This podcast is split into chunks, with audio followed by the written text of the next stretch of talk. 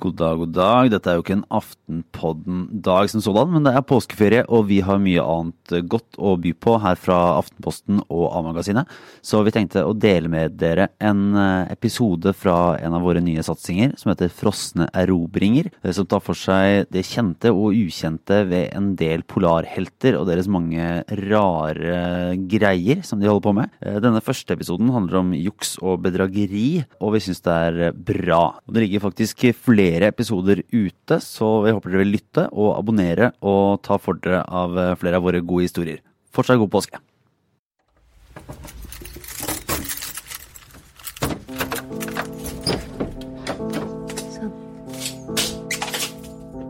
Roald?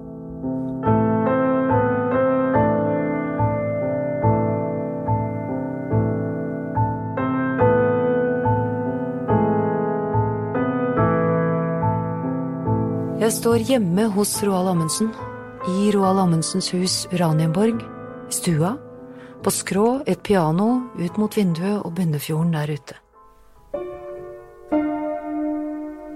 På toppen av pianoet ligger en blondeduk, og på filten er det brodert en bord, fine, tette sting, små blomster, sølv, litt gull noen steder.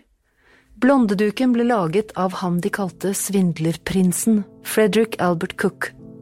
Selv kalte han seg Nordpolens erobrer. Dette er historien om juksemakerne i Polarhistorien. Jeg heter Kari Slottsveen.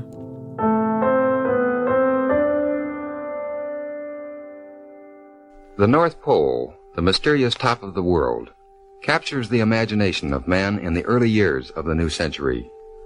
Why would anyone want to risk his life to stick a little flag into a piece of ice that looks no different from hundreds of miles of ice around it? Because nobody has ever done it before. That's why. Polarekspedisjoner er livsfarlige. Jeg heter Anders Bakke, er arkeolog og fagkonsulent ved Roald Amundsens hjem Uranienborg, og har jobba med polarhistorie i over ti år. Jeg er veldig fascinert av hvorfor mennesker velger å utsette seg for noe så ekstremt. Fra da vi bodde i grotter og, eller hang i trær, så, så har vi gjort enorme fremskritt. Og det har jo vært fordi man hele tiden har vært på jakt etter den neste horisonten og den neste, neste greia. Lars Ebbesen har vært involvert i flere av de største polarekspedisjoner de siste 25 årene, og mener at det handler om en iboende trang til å utforske, mens Harald Dag Gjølle, polarhistoriker ved Norsk Polarinstitutt, peker på penger og handel som en motivasjon. Eh, Men så har det òg vært store kommersielle interesser i å utforske polarområdene. Og Da tenker jeg først og fremst på å finne snarveien til, til Asia.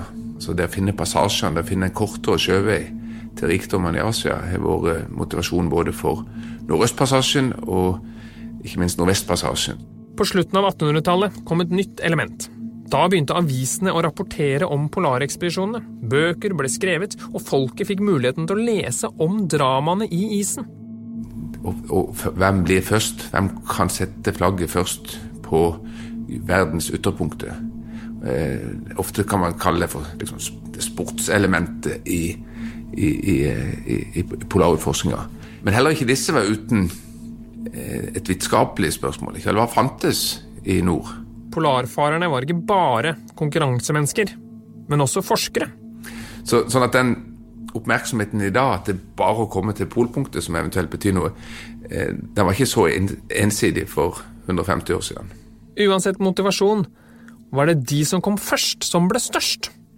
Og ble helter for smågutter som Børge Ausland. Jeg var egentlig bare en vanlig gutt som eh, likte friluftslivet. Eh, men jeg har alltid hatt den der dragningen etter hva som er bak eh, horisonten. En morgen, før skolen, hjemme på Nesodden, kom Ausland over et hørespill på radio. Et slags skuespill om Nansen da han gikk på ski over Grønland. Jeg var ikke gamle karen, jeg kunne ikke få fatt og begripe hvordan de turte det greiene der. Det hørtes jo så hårreisende ut med den ulende vinden og alle de bresprekkene og alt det greiene de var utsatt for på den turen der. September 1909. Amerikaneren Fredrik Cook seiler inn mot København og legger til kai ved Nordre Tollbod. Med seg har han nyheten om at klodens nordligste punkt er nådd. Cook skal ha plantet flagget i isen og tråkket opp de første fotsporene på Nordpolen. Men snakket han sant? Kunne han bevise det? En av dem som stilte kritiske spørsmål, het Robert Perry, også amerikaner. Han hevdet at han nådde polpunktet i april 1909, året etter Cook. Det kunne han visstnok bevise med bilder og utregninger. Men var de ekte? Cook og Perry ble, ikke så overraskende, aldri enige. En del tok parti med Perry, andre tok parti for Cook, men folk krangler ennå om hvem av dem som hadde rett. Planter du flagget? Planta flagget. Børge Ausland har uten tvil vært på Nordpolen. Og han var også den første til å nå dit helt alene, uten etterforsyninger, i 1994. Det var en utrolig lykkeopplevelse. Og det som er spesielt med Nordpolen, du veit jo egentlig ikke om du kommer til å nå målet før du står der. Fordi det er så mye som skjer underveis. Det Gå gjennom isen eller uh, møte isbjørn eller uh, noe som skjer med utstyret ditt. Så det var en beinhard tur også, rett og slett. Jeg gikk og gikk jo ned Jeg veide 62 kilo når jeg kom fram. Jeg gikk ned over 20 kilo på den turen. Så det å slå opp teltet der og på Nordpolen og vite at jeg hadde klart det, var en helt fantastisk følelse, rett og slett. Helt fantastisk. Kanskje er det bare de som har opplevd denne følelsen, som virkelig kan forstå dette fullt ut. For hva er det egentlig som er så viktig med å være først? Nei, Det ene elementet er jo det med sponsorer. At uh, hvis det er noe som ikke har vært gjort før, så er det lettere å skaffe sponsorer til et sånt type prosjekt. Og det andre er, som er viktigere, er jo den personlige mestringsfølelsen som vi alle syns er litt stas, og har gjort noe som ingen andre har klart før. Det er rart med det. altså Det er førstemann på månen og førstemann på Sydpolen og alt sånne type ting. Det har en sånn spesiell appell til oss mennesker. Jeg tror vi er ganske like der.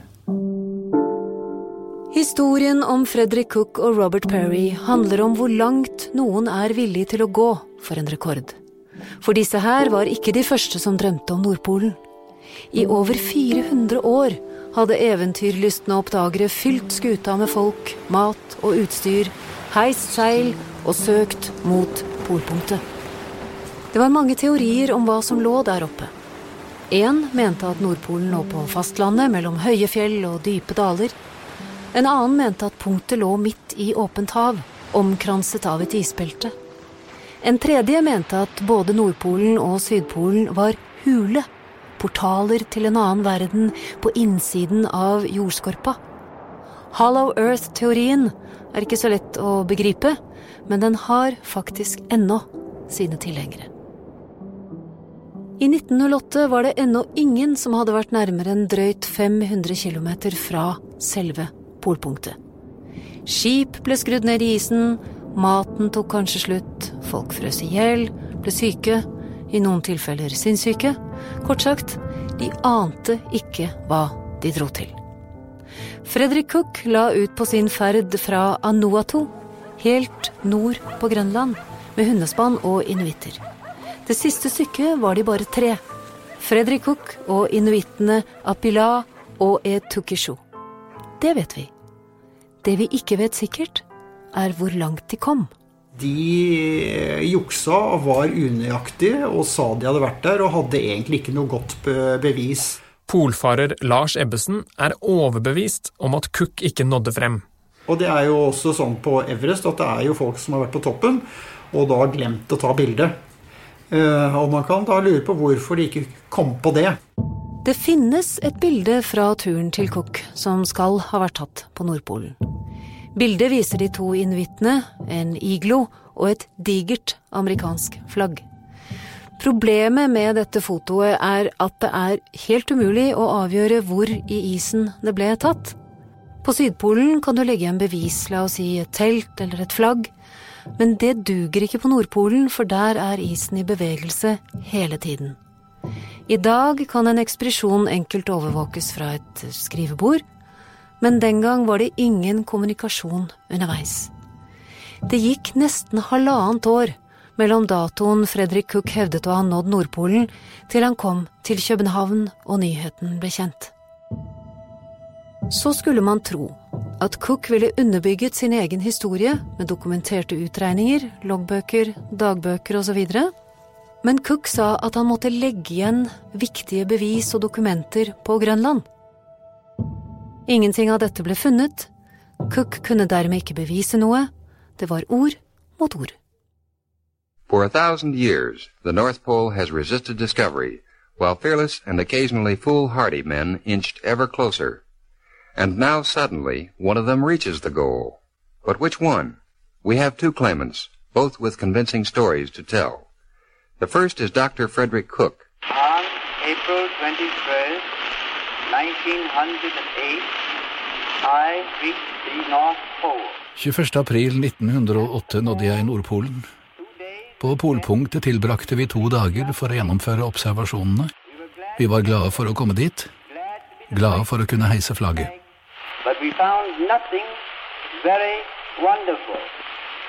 No life, no land. We were the only pulsating creatures Den allerede skjøre troverdigheten til Fredrik Cook fikk seg enda en knekk da han 14 år etter ble dømt til fengsel for svindel og bedrageri i forbindelse med noe oljevirksomhet. Dermed mistet han jo mange av dem som hadde trodd på at han erobret Nordpolen. Det kan virke som mennesker aldri slutter å bedra. Senest ved juletider, i 2018, kokte kommentarfeltene. Jo, altså det var vel Colin O'Brady som er en amerikansk sånn utholdenhetsutøver. Eh, Et stort publikum i USA, han er profesjonell, han har et stort PR-apparat rundt seg. Journalist Sindre Bø har fordypet seg i saken og irritert seg over O'Brady. I tillegg til at han påstod han hadde kryssa hele kontinentet, men egentlig gått mye kortere enn mange andre som har gått før han, så sa han òg at han var den første som hadde gått alene unsupported og unaided. Det vil si at han gikk alene da, og han hadde med seg alt han trengte i pulken. Og det er det andre som har gjort før han. De har gått alene, de har hatt med seg alt i pulken, men så påstår han at de hadde brukt um, skiseil da, eller kiter for å utnytte medvinden, og det hadde ikke han. Derfor var han i en egen kategori, i en egen klasse, og han hadde vunnet, liksom. Det O'Brady påsto at han var førstemann til å gjøre, er ganske teknisk. For rekordene blir mer og mer intrikate. Problemet nå er at det er ikke så mange nordpoler og sydpoler igjen å oppdage. Altså, Hvis du skal være først med noe, så må du finne på en tvist som ingen har tenkt på. Det blir sikkert noen som går baklengs til Sydpolen som første person, eller første person som hinker inn, for å sette det på spissen. Noen har jo faktisk prøvd å sykle til Sydpolen og kom ikke så langt. Men da, meldte han inn den lengste sykleturen i Antarktis så langt. Uansett, Colin og Brady fikk mange mot seg.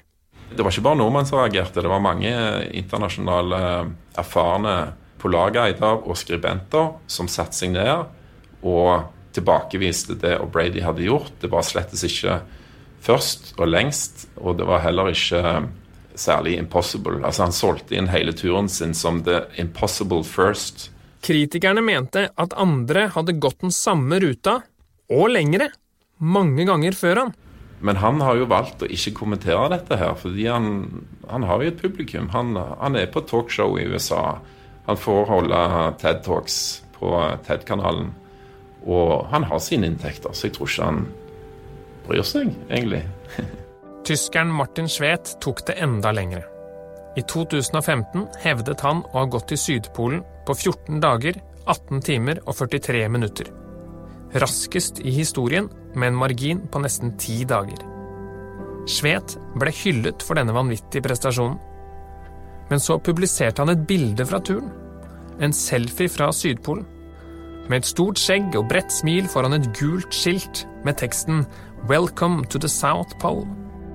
Men uten frostskader eller rim i barten eller is i skjegget. Det så liksom ikke ut som han hadde vært på tur i det hele tatt.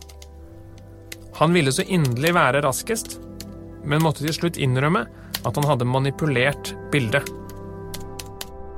Martin Schwedt gikk aldri til Sydpolen.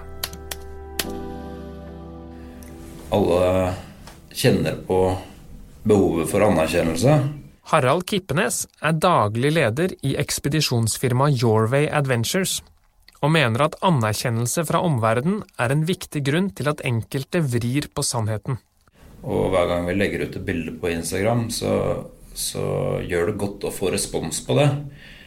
Men uh, hvor edel er man i sin ferd uh, i forhold til liksom, hvilke filter man legger på, og på en måte hvordan man fremstiller en prestasjon eller en opplevelse? Noen faller i fristelsen med å kanskje fremstille en ganske annen historie enn det som er sannheten. Januar 1926. Cook har sittet på cella i Leavenworth utenfor Kansas i tre år idet en nordmann kommer på besøk. En gammel venn han ikke har sett på 20 år.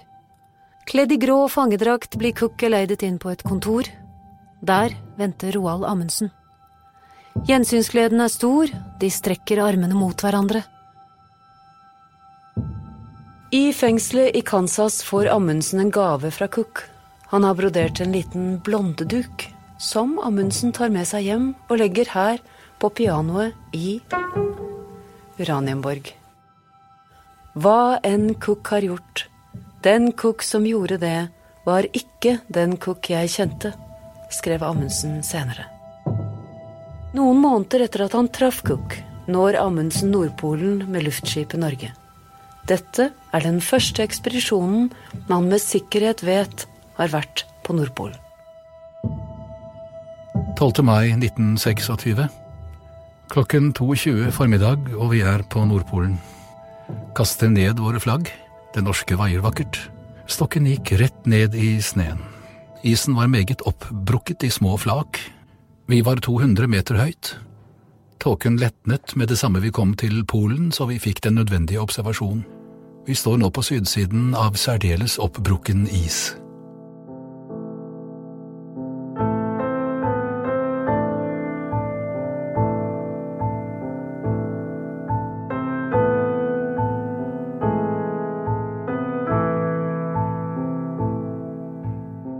Frosne erobringer er laget av Filt Oslo i samarbeid med Follo museum for A-magasinet. Redaktør er Lillian Vambeim.